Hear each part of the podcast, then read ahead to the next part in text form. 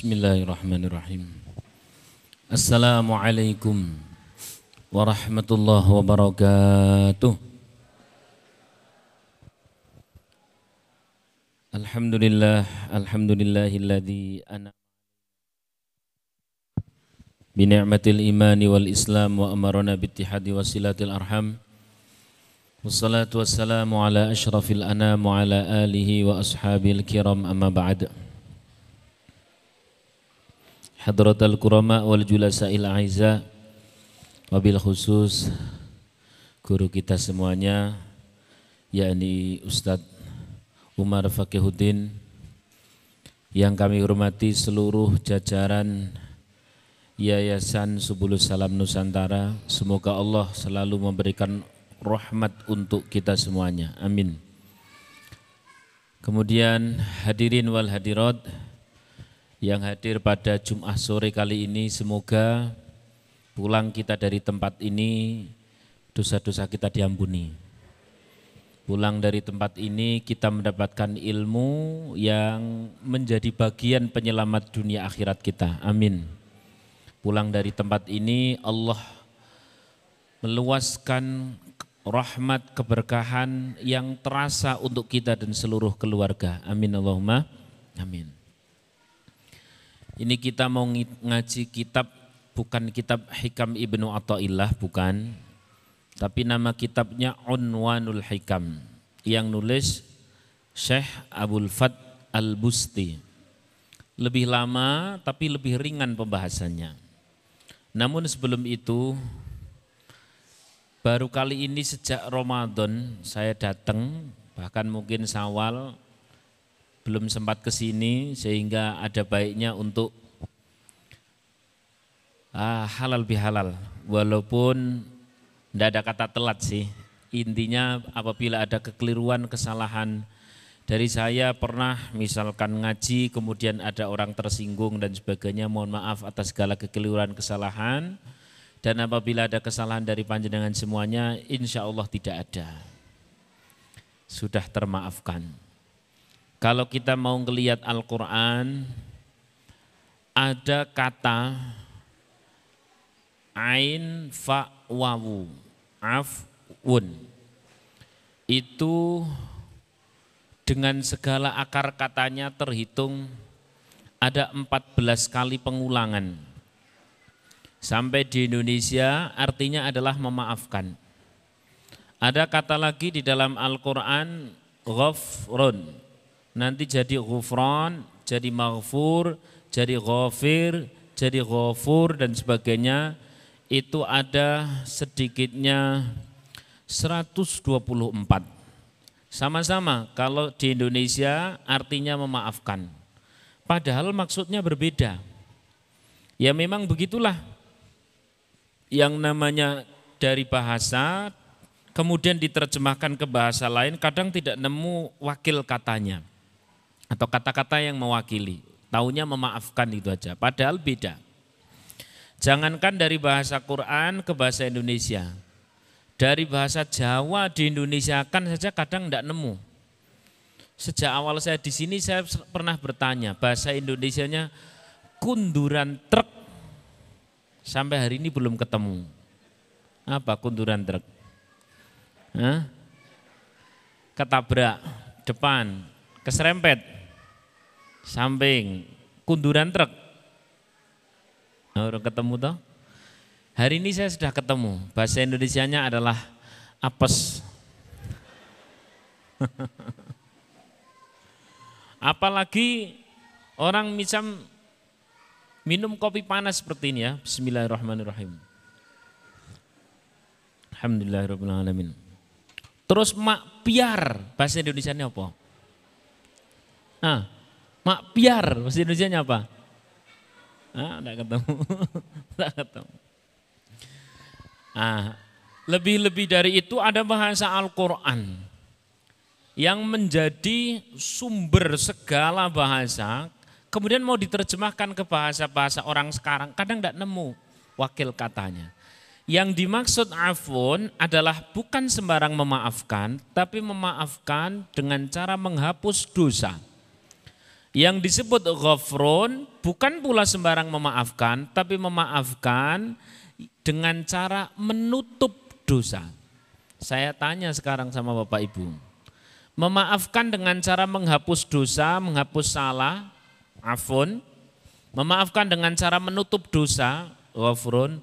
Itu baik yang mana? Menghapus atau menutup? Jawab, menutup atau menghapus? Menghapus atau menutup? Menghapus ternyata salah.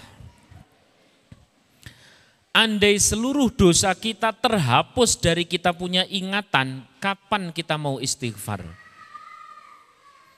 Andai terhapus seluruh dosa dari diri kita tentang orang lain atau dosa kita kepada Allah, sombong nanti kita. Maka ada istilah kaya wong randi dosa Kenapa terhapus? Sehingga memaafkan atau kata maaf dengan cara menghapus dengan menutup itu baik mana? Menutup salah juga. Angel wis Andai dosa tidak ada yang terhapus, semuanya hanya tertutup oleh amal soleh, tertutup masih dalam ingatan, hidup kita stres pak, kelingan dosa. Betul atau tidak? Maka baik yang mana? Afun atau ghafrun? Baik semu. Itulah indahnya Al-Quran. Itulah indahnya apa? Al-Quran. Mengungkapkan satu kata yang sama menurut orang tapi sebenarnya berbeda. Maka ada saat-saat kita memohon ampun kepada Allah dengan redaksi ghafrun. Astaghfirullahaladzim. Ada saat-saat kita memohon ampun dengan redaksi afun. Kemarin Ramadan. Allahumma innaka afuun karim. Ya. Ceta. Ya. Semua punya fungsi masing-masing. Ah, kalau Rasulullah bagaimana? Ini sebelum kita ngaji Unwanul Hikam. Kalau Rasulullah bagaimana? Rasulullah itu justru pernah saya terangkan di sini. Saya terangkan lagi cerita yang tidak semua ulama sepakat, tapi cerita ini kadung viral dan kalau diambil ibrohnya pun baik. Nanti saya ceritakan yang jelas sahih. Ini yang yang masih uh, ya kita ambil hikmahnya, tapi ada benarnya. Cerita di mana Rasulullah Shallallahu Alaihi Wasallam pergi ke masjid, kemudian diludahi oleh seseorang. Pergi lagi ke masjid, diludah lagi. Pergi lagi ke masjid, diludahi lagi. Singkat cerita kemudian orang yang meludahi beliau, orangnya sah, sakit. Lalu kemudian Rasulullah me, menilai, jangan terus ke gowo, me, menjenguk. Saya tanya dan tolong dijawab. Rasulullah memaafkan atau tidak? Jawab dengan tegas. Rasulullah memaafkan atau tidak? Ternyata tidak. Bu, kenapa Rasulullah tidak memaafkan? Karena sejak awal Rasulullah tidak jengkel. Hmm, understand? Proses memaafkan ketika terjadi jengkel. Ini tidak ada jengkel dari awal. Dari awal tidak ada jengkel. Maka tidak ada proses memaafkan. Sallallahu Nabi Muhammad. Nah, ini indahnya Rasulullah.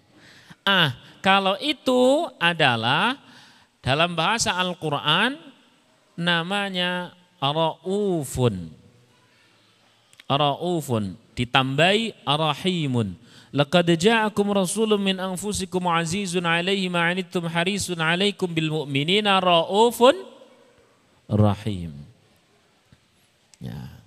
Saya belum nemu bahasa Indonesia nih. Ra'ufun belum nemu bahasa Indonesia nih. Nek bahasa Inggrisnya malah sudah ketemu. Jadi rada gaya sidik. Bahasa Inggrisnya kayak tadi itu ini kan coba seperti itu. Wis diludahi bareng dari awal jengkel enggak?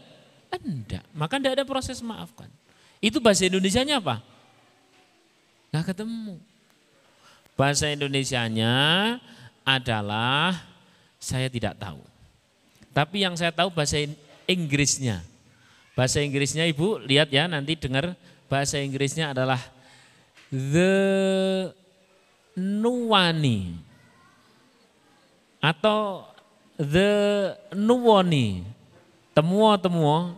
Ini kan persis seperti saya punya anak kecil masuk ke kolongan meja, dia bilang, Bapak, bapak, ini adik tidak kelihatan toh, tidak kelihatan. Saya sebagai wong tua bilang, iya mana ya mana, kan begitu toh. Rela nggak saya ditipu? Rela. Jengkel enggak? Enggak. Memaafkan? Ngapain? Nah, itu namanya the apa tadi? Nuwani. Nah, the nuwani. Salam ala Nabi Muhammad. Maka ibu-ibu kalau punya sifat seperti ini enak nanti berkeluarga. Suami pulang ya, terus laporan, Bu, tadi itu ada meeting, bisa nih telat. Terus habis meeting rapat, terus habis rapat tadi meeting malah di, nah, jenengan ngerti sebenarnya diapusi. Wong yono sing WA. Nah, nek sampean the nuwoni terus ngeten. Subhanallah. Oh, longgar. Longgar.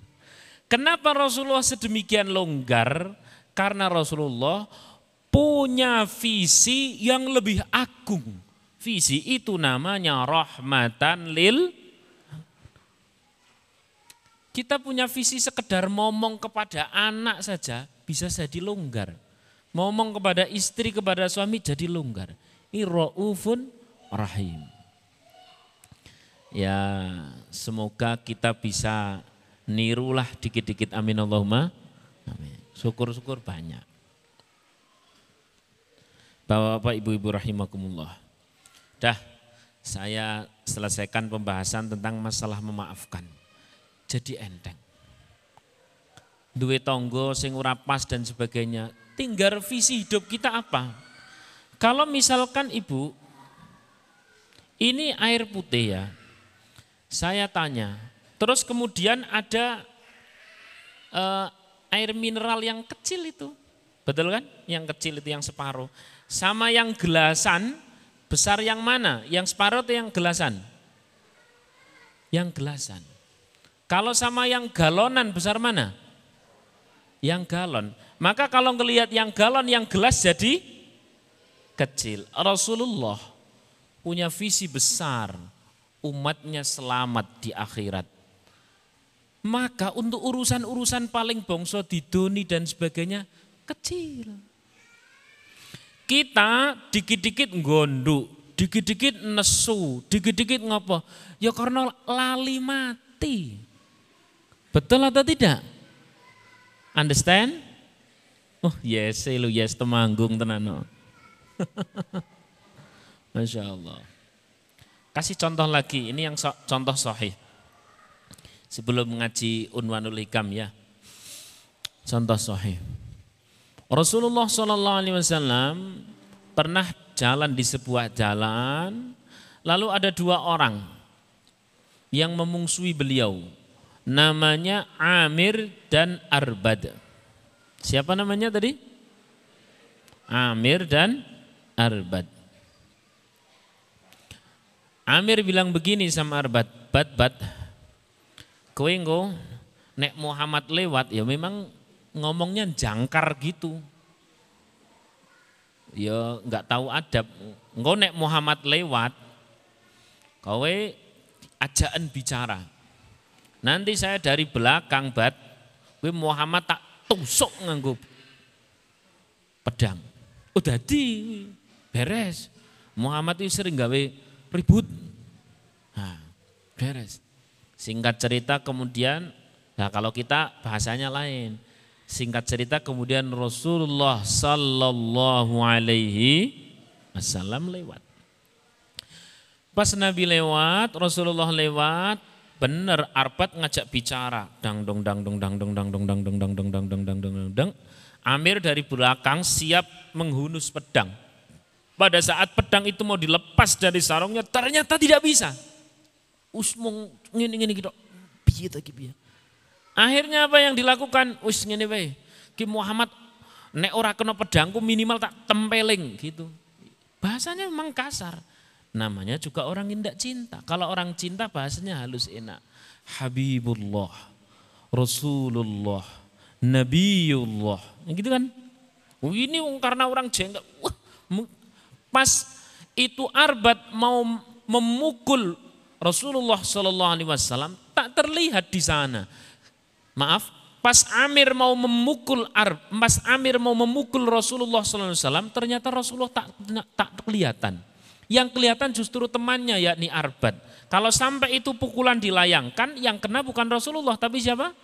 Konconi Dewi Arbat. Akhirnya Rasido, tidak jadi. Begitu tidak jadi Rasulullah lewat les. Les gitu, ojo golek nang hadis ora ketemu. Les. Masya Allah. Ah, Rasulullah lewat, ah, Rasulullah lewat, Rasulullah itu dengar jelas ucapan dua orang ini. Gimana toh mir, mir? Ini tadi Muhammad sudah saya ajak bicara, kamu kok ndak ndang tes les bet piye Bat bet bat bet piye bat bat. Ini pedang ndak bisa dilepas. Ayo po ditempeling apa piye? Loh, tempeling Orang ketok Muhammad. Yang kelihatan kamu kalau saya sama nemeling malah kena kamu. Lah. Rasulullah mendengar persis ucapan ini. Kemudian Rasulullah berdoa. Apa doa Rasulullah? Allahumma hdi Bani Amir. Ya Allah engkau berikan petunjuk untuk anak cucunya Amir dhewe ana wong nakal, nakali, dolim, nyalai awake dhewe. Terus kemudian ndongokke anak putune soli solihah, sorry to ya. Betul ora? Betul enggak? Kenapa? Karena kita kira hidup cuma di dunia. Ah, Rasulullah itu punya visi yang sangat besar. Bagaimana menjadi rahmat kasih sayang seluruh alam, kuabeh umatnya kena bisa selamat. Karena ada visi besar. Ketika ngelihat galon, ini menjadi kecil. Apalagi sudah dikurangi dengan diminum. Alhamdulillah. Karena kita ngelihatnya yang kecil-kecil, pendek-pendek, urusan dunia tok. Jadi hawa ini kemrungsung, wandresulo, wana apa meleh? Wang gonduk, dan sebagainya macam-macam. Sallallahu Nabi Muhammad. Ya Allah. Dah, cerita-cerita intinya saya mohon maaf atas segala salah dan jenengan sudah kami maafkan. Amin Allahumma. Amin. Kemudian semoga saling memaafkan kita ini mengundang maghfirah dari Allah Subhanahu wa taala. Baik. Saya baca kitab Unwanul Hikam.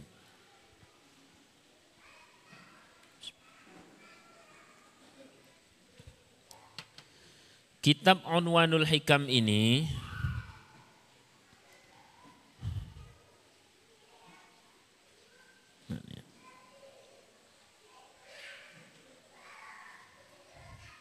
Kitab Unwanul Hikam ini ya ditulis oleh seorang syekh bernama Abul Fat Ali bin Muhammad bin Husain bin Yusuf bin Muhammad bin Abdul Aziz Al-Busti. Al-Busti. Nanti kalau ada yang menghafal kata-kata saya ini kayaknya dapat door prize biasanya. Saya ulangi lagi. Abul Fat Ali bin Muhammad bin Husain bin Yusuf bin Muhammad bin Abdul Aziz Al-Busti. Baleni mana wis mumet. Masya Allah. Beliau ini lahir di desa namanya Bust yang dikenal dengan Bukhara atau tempat yang juga di sana ada imam Bukhari. Kalau sekarang di Uzbekistan pada tahun 400 Hijriah. Berarti ada yang mengatakan 401 Hijriah. Berarti beliau ini masih yo termasuk orang-orang awal Islam, tapi tidak yang awal banget. Nah, kalau yang awal banget itu kelas-kelas Madhahibul Arba'ah, nah, itu Kelas-kelas awal bang. Imam Syafi'i 150. Kalau ini sampai 400. Lah kalau yang Syekh Ibni Atta'illah al-Iskandari itu nanti di sekitar tahun 600-an. Berarti lebih sepuh ini kitabnya. Tapi lebih ringan kalau dibahas. Kalau yang hikamnya Ibnu Atta'illah, saya itu andaikan bukan para guru, bukan para habaib yang nyuruh saya baca, saya tidak berani. Tidak berani. Karena ada banyak hal ilmu-ilmu yang sulit untuk sampai diamalkan. Ana wong urip kok ora kena nesu karo wong liya, kudu ngurmati wong liya ora ana riya, ora ana sum'ah, ora ana dengki. Oleh ya abote ra karuan kuwi. Nah, terus kemudian saya yang mulang, wah yo repot yang yes alon-alon. Lah sekarang ini Syekh Abdul Fat Al Busti, saya akan bacakan kalam hikmah yang pertama.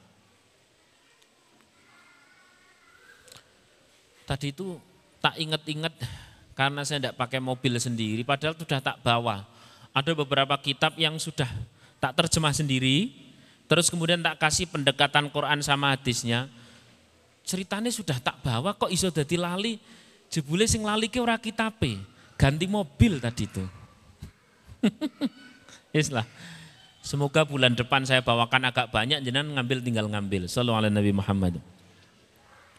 Ziyadatul mar'i dunyahu nuqsanu waribahuhu ghaira mahdil khairi khusranu. Ini kalau munsid yang bawakan bagus banget. Karena bahar, bahar ke apa ya ya. Syair yang belakangnya itu mirip-mirip bahar. Ziyadatul mar'i fi dunyahu nuqsanu. Ayo bareng kita tafakkur.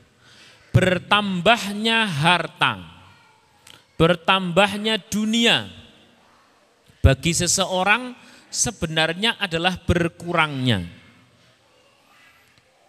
Ulangi ya. Bertambahnya harta seseorang adalah nopo? Berkurangnya. Kayak umur itu loh. Orang ada orang misalkan ngerayakan mabruk alfa mabruk pas umur 35 Pas ulang tahun umur 35 pokoknya. Saya tanya, sebenarnya umurnya bertambah atau berkurang? Jatahnya berku.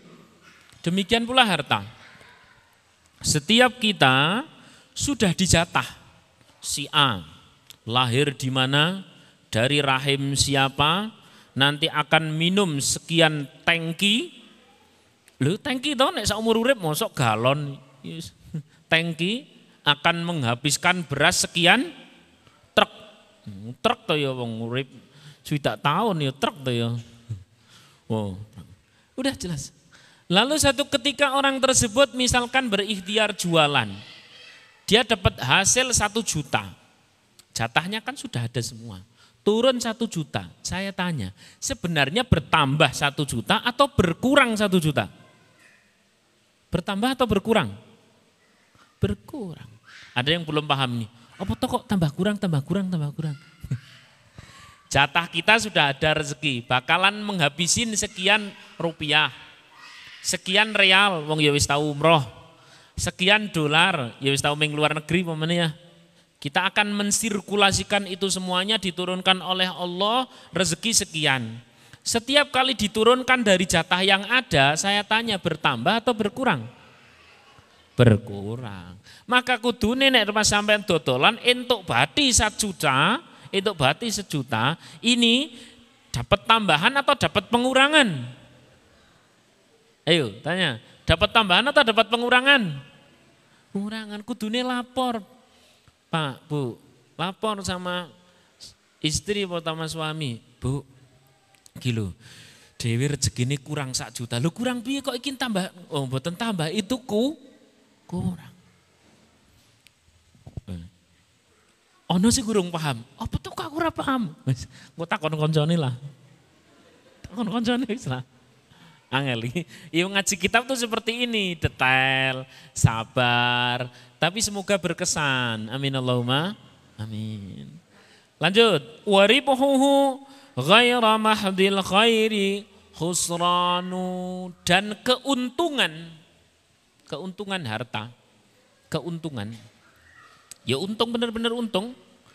Ghaira mahdil khairi kalau tidak benar-benar menjadi kebaikan khusranu adalah namanya kerugian. Ngeten. Neng dhuwur ada tandon rezeki kita. Dagang turun satu juta lewat pembeli. Hasil ini uh satu juta atau misalkan jenengan kelasnya sudah semiliat, semiliat cash keras diwadahi kresek. Teori pertama mengatakan bertambah atau berkurang? Rezekinya bertambah atau berkurang? Berkurang. Barang ngono ternyata uang segitu bukan fi makhdil khairi, tidak murni untuk kebaikan. Justru digunakan untuk keburukan. Kita tahu semuanya. Wa ma khalaqtul jinna wal insa illa liyabudun. Kita tidak diciptakan kecuali hanya saat termonggo gawe ibadah. Lo kok ada rezeki yang tidak digunakan fasilitas ibadah, maka sebenarnya rezeki itu kehilangan inti. Kalau kehilangan inti namanya kita rugi. Jadi wong batis juta, rong juta, telung juta sampai satu miliar kalau tidak digunakan dengan baik bukan untung tapi namanya cetok. Understand? Cetawila-wila? Tambahi keterangan. Bapak Ibu rahimakumullah, agak sabar nggih Bu. Saya itu tadi wing kemarin WA-an sama Pak Ji Yasir. Pak Ji, ini kita ngaji apa ini? Monggo terserah Ustaz. Pernah kurang mikir bi, Saya bilang begitu. Yuk ngaji kitab saja. Ya sudah ngaji kitab bismillah. Tapi semoga itu para hadirin sabar mendengarkan e, keterangan karena memang harus detail seperti itu. Kayak santri lah kayak santri. Bapak Ibu rahimakumullah. Wa ma khalaqtul jinna wal insa illa Berarti kita hidup untuk apa? Ibadah. Inti hidup untuk apa? Ibadah. Saya sekarang tanya. Jenengan tahu makanan itu kalau kehilangan inti makanan kalau kehilangan nutrisi dan sebagainya terus diproses di perut. Jadi diproses. Itu keluar dari belakang namanya apa itu? Namanya apa itu? Ampas ya. Ampas itu kalau dimakan jadi apa? Penyakit. Pun paham begini Bapak Ibu rahimakumullah. Ada rezeki ada ampas rezeki. Saya ulangi, ada rezeki, ada apa? Ampas rezeki. Setiap rezeki ini harus berproses menjadi kebaikan. Sejak dapatnya, prosesnya sampai keluarnya harus untuk kebaikan. Baru ini namanya orang untung. Dikasih uang untuk sesuai intinya yakni untuk ibadah. Kalau yang ini ada sesuatu kehilangan inti namanya menjadi adalah apa tadi?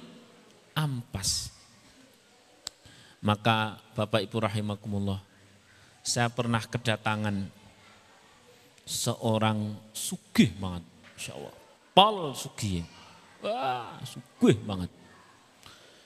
Ya, duit ke kata ora dihitung bu, Jan. Ditimbang. Kena gue selimutan kira-kira duit ya, saking ngogai. Jenengane ganti omah kis koyo dewi ganti sandal lah. Ganti apa mana ganti mobil sak lirian mungkin angop sak miliar tok. Angop sak miliar. Sugih tenan.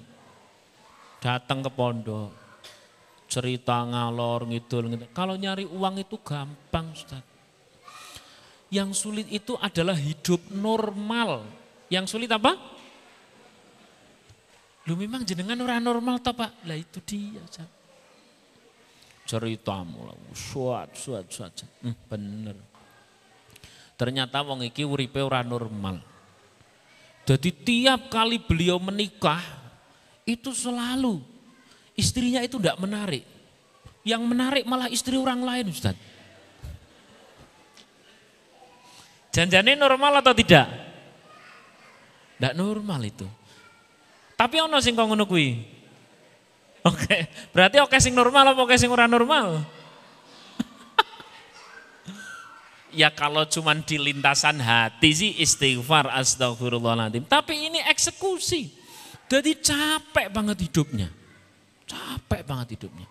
Gak tahu gak karuan itu. Ya harta itu sing jenengane kapusan ya maaf perempuan itu banyak banget. Yang namanya anak itu narkoba dan sebagainya. Wah, angel sih.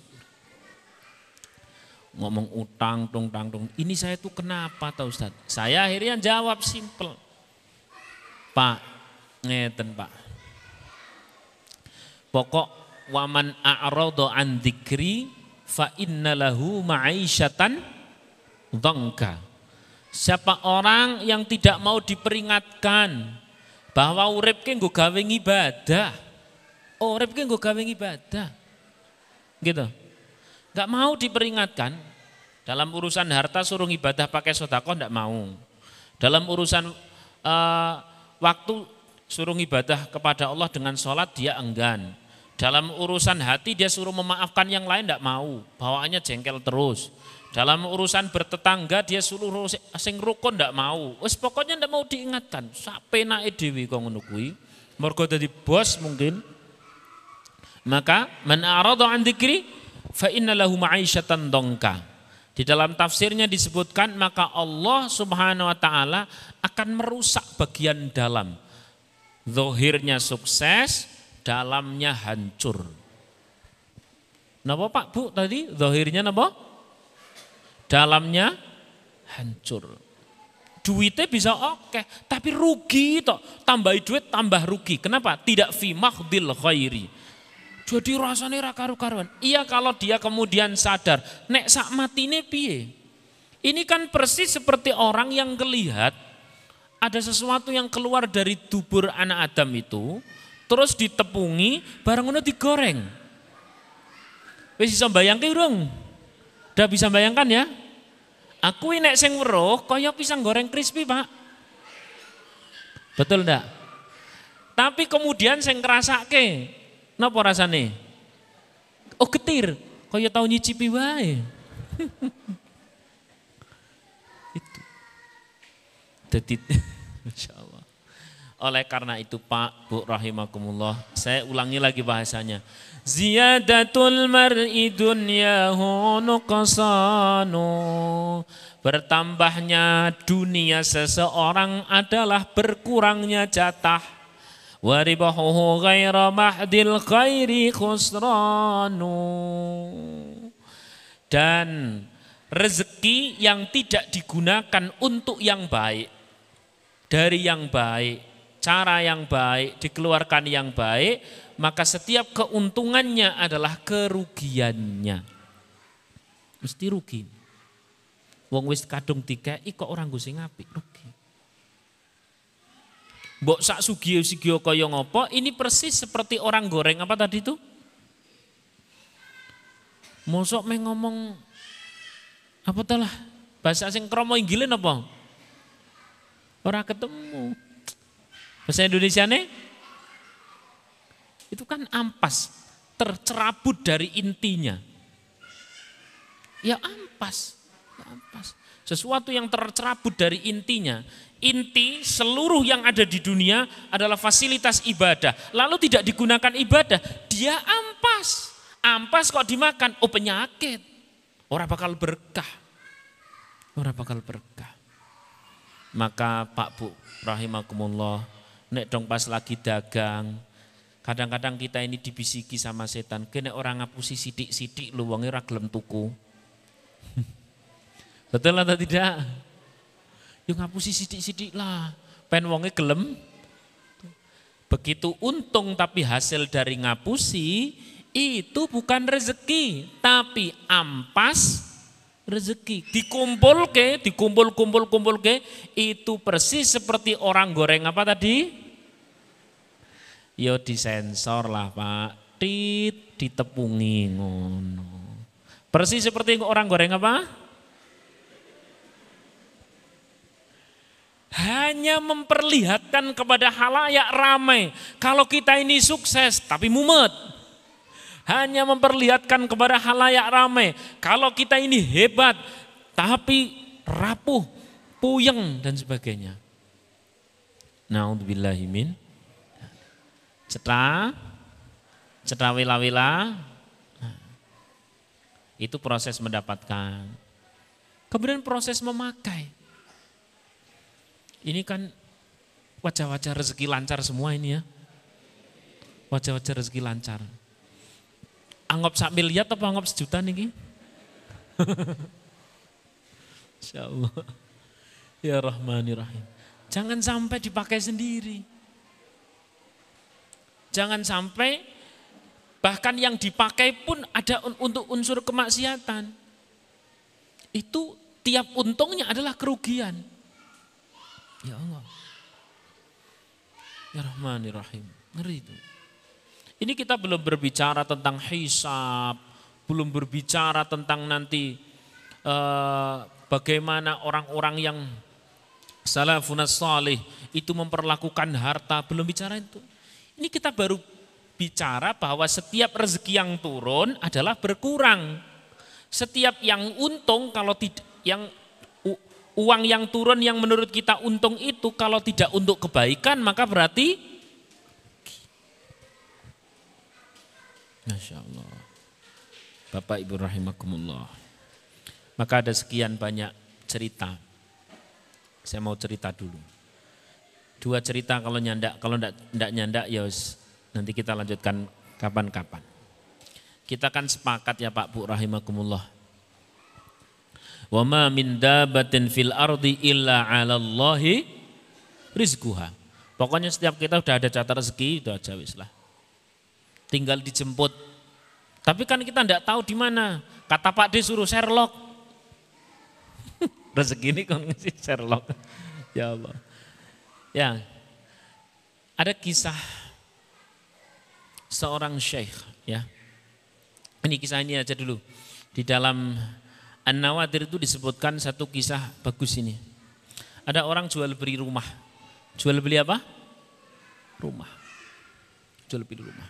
Pembeli soleh. Penjualnya soleh juga. Singkat cerita, si pembeli sudah membeli, penjual sudah menyerahkan rumahnya, pembeli sudah membayarkan uangnya selesai. Akad putus, cek Wabada hinin setelah sekian masa ternyata pembeli itu menemukan harta di dalam rumah tersebut. Dia langsung lapor sama penjualnya, eh penjual saya itu beli ke sampean itu rumah, loh kok ini ada harta, ada perhiasan, ada uang, ada emas dan sebagainya. Sebut saja begitu. Kata penjual yang soleh, oh itu bukan milik saya itu itu saya cuma jual rumah kalau ada barang-barangnya milikmu. Kata pembeli, enggak ini milikmu, enggak ini milikmu. Jadi rebutan kelimpah ke. Kalau kita rebutan apa? Maya niki baten gawan, ngono? Embuh iki iki Gusti Allah saking jose iki. Kenapa paham? Salafuna soleh paham kalau ada rezeki tidak jelas asal usulnya, ini bukan untung, ini bukan rezeki tapi ampas, dikumpul ke dimakan, dikasih anak istri, dikasih itu dan sebagainya, bukan nambah bahagia. Yang ada adalah nambah nampak bahagia asline mumet. Ngono ngono. Sallallahu alaihi Nabi Muhammad. Ya. Cetra Cenawela-wela. Sampai kemudian dua orang ini debat. Debatnya adalah debat melimpahkan. Orang gon sampean we. Orang gon sampean we. Gon sampean we. Masya Ada lagi kisah kemudian seorang syekh dia itu jual jualannya adalah madu. Ini masih berapa menit ya? Kok saya tidak dikasih waktu Mas Panitia? Cah nom-nom tadi itu. 17. Dikit lagi. Ini kisah selesai sudah. Insya Allah nanti PDF-nya, PDF kitab ini tak berikan ke panitia sini, eh barangkali nanti tiap kita ngaji itu nyimak tetina. Pulang-pulang membawa sesuatu. Kalau toh tidak berupa cetak, minimal berupa PDF. Sibah-sibah sing pun sepuh-sepuh ngertos PDF nggih. Niku bakwan rotok kesuwen gorengnya. ya, saya lanjutkan. Syekh tadi itu dia jualan madu. Dia ambil madu dari petani-petani di pegunungan. Ambil Kulaan, kulaan. Terus, terus, terus, terus, terus, terus. Kulaan. Godan besoknya terpaut satu hari, terpaut satu hari dari kulaan wingi kulaan sekarang terus besok pagi gitu ya, besok pagi. Dilalah regulasi madu di daerah tersebut itu naik tinggi. Tadinya harganya sekian, naik langsung menjadi tujuh kali lipat, bahkan sembilan kali lipat. Uh, maka petani-petani madu dari pegunungan-pegunungan itu datang kepada Syekh tadi itu. Ya Syekh, ya Syekh, engkau tahu sendiri kami kemarin menjual madu dengan harga kemarin dan harga hari ini sudah sedemikian rupa. Ya engkau harus tahulah kami mbok yo dikai untung berapa begitu. Apa kata Syekh tadi itu? Alhamdulillahi Rabbil Alamin. Bertahun-tahun aku menunggu momen-momen seperti ini. Sesungguhnya Rasulullah Sallallahu Alaihi Wasallam bersabda, siapa orang yang samahah, longgar dalam urusan jual beli, maka ia akan dilonggarkan di hadapan Allah Subhanahu wa taala pada hari kiamat. Ia akan banyak mendapatkan ampunan di sisi Allah Subhanahu wa taala. Wahai para petani madu, itu madu yang sudah saya beli, silahkan bawa. Ini mumpung lagi mahal-mahalnya, kau bisa jual monggo sebagai hadiah dariku. Uang yang sudah kalian terima, doakan saya di akhirat mendapatkan ampunan. Kira-kira wong zaman saiki ana ora? Kenapa terjadi seperti ini? Syekh tadi paham bahwa setiap urusan dunia harus menjadi keuntungan akhirat, jangan sampai menjadi kerugian akhirat. Sebab hidup di dunia paling pol 60, 70, 80 tahun, hidup di akhirat berapa tahun? Berapa? miliar, triliun, triliun, miliar, miliar, triliun, triliun, miliar, miliar, triliun, triliun, miliar, miliar, triliun, triliun, miliar, miliar, triliun, triliun, miliar, miliar, triliun tahun. Maka butuh bekal lebih banyak. Jangan sampai urusan dunia merugikan yang lebih panjang. Urusan dunia harus menguntungkan kita di alam sana. Amin Allahumma. Demikian yang dapat saya sampaikan untuk kalam hikam pertama telah saya sampaikan. Semoga ikhlas saya berikan ini sebagai ilmu dan panjenengan bisa menjadikan ini untuk uh, sesuatu yang bermanfaat. Amin Allahumma. Amin. Al-Fatihah. A'udzubillahi minasyaitonirrajim. Bismillahirrahmanirrahim. Alhamdulillahi rabbil alamin arrahmanir rahim maliki yaumiddin iyyaka na'budu wa iyyaka nasta'in ihdinas siratal mustaqim siratal ladzina an'amta 'alaihim ghairil maghdubi 'alaihim waladdallin amin amin amin amin Demikian billahi taufiq wal hidayah wa ridha Assalamualaikum warahmatullahi wabarakatuh.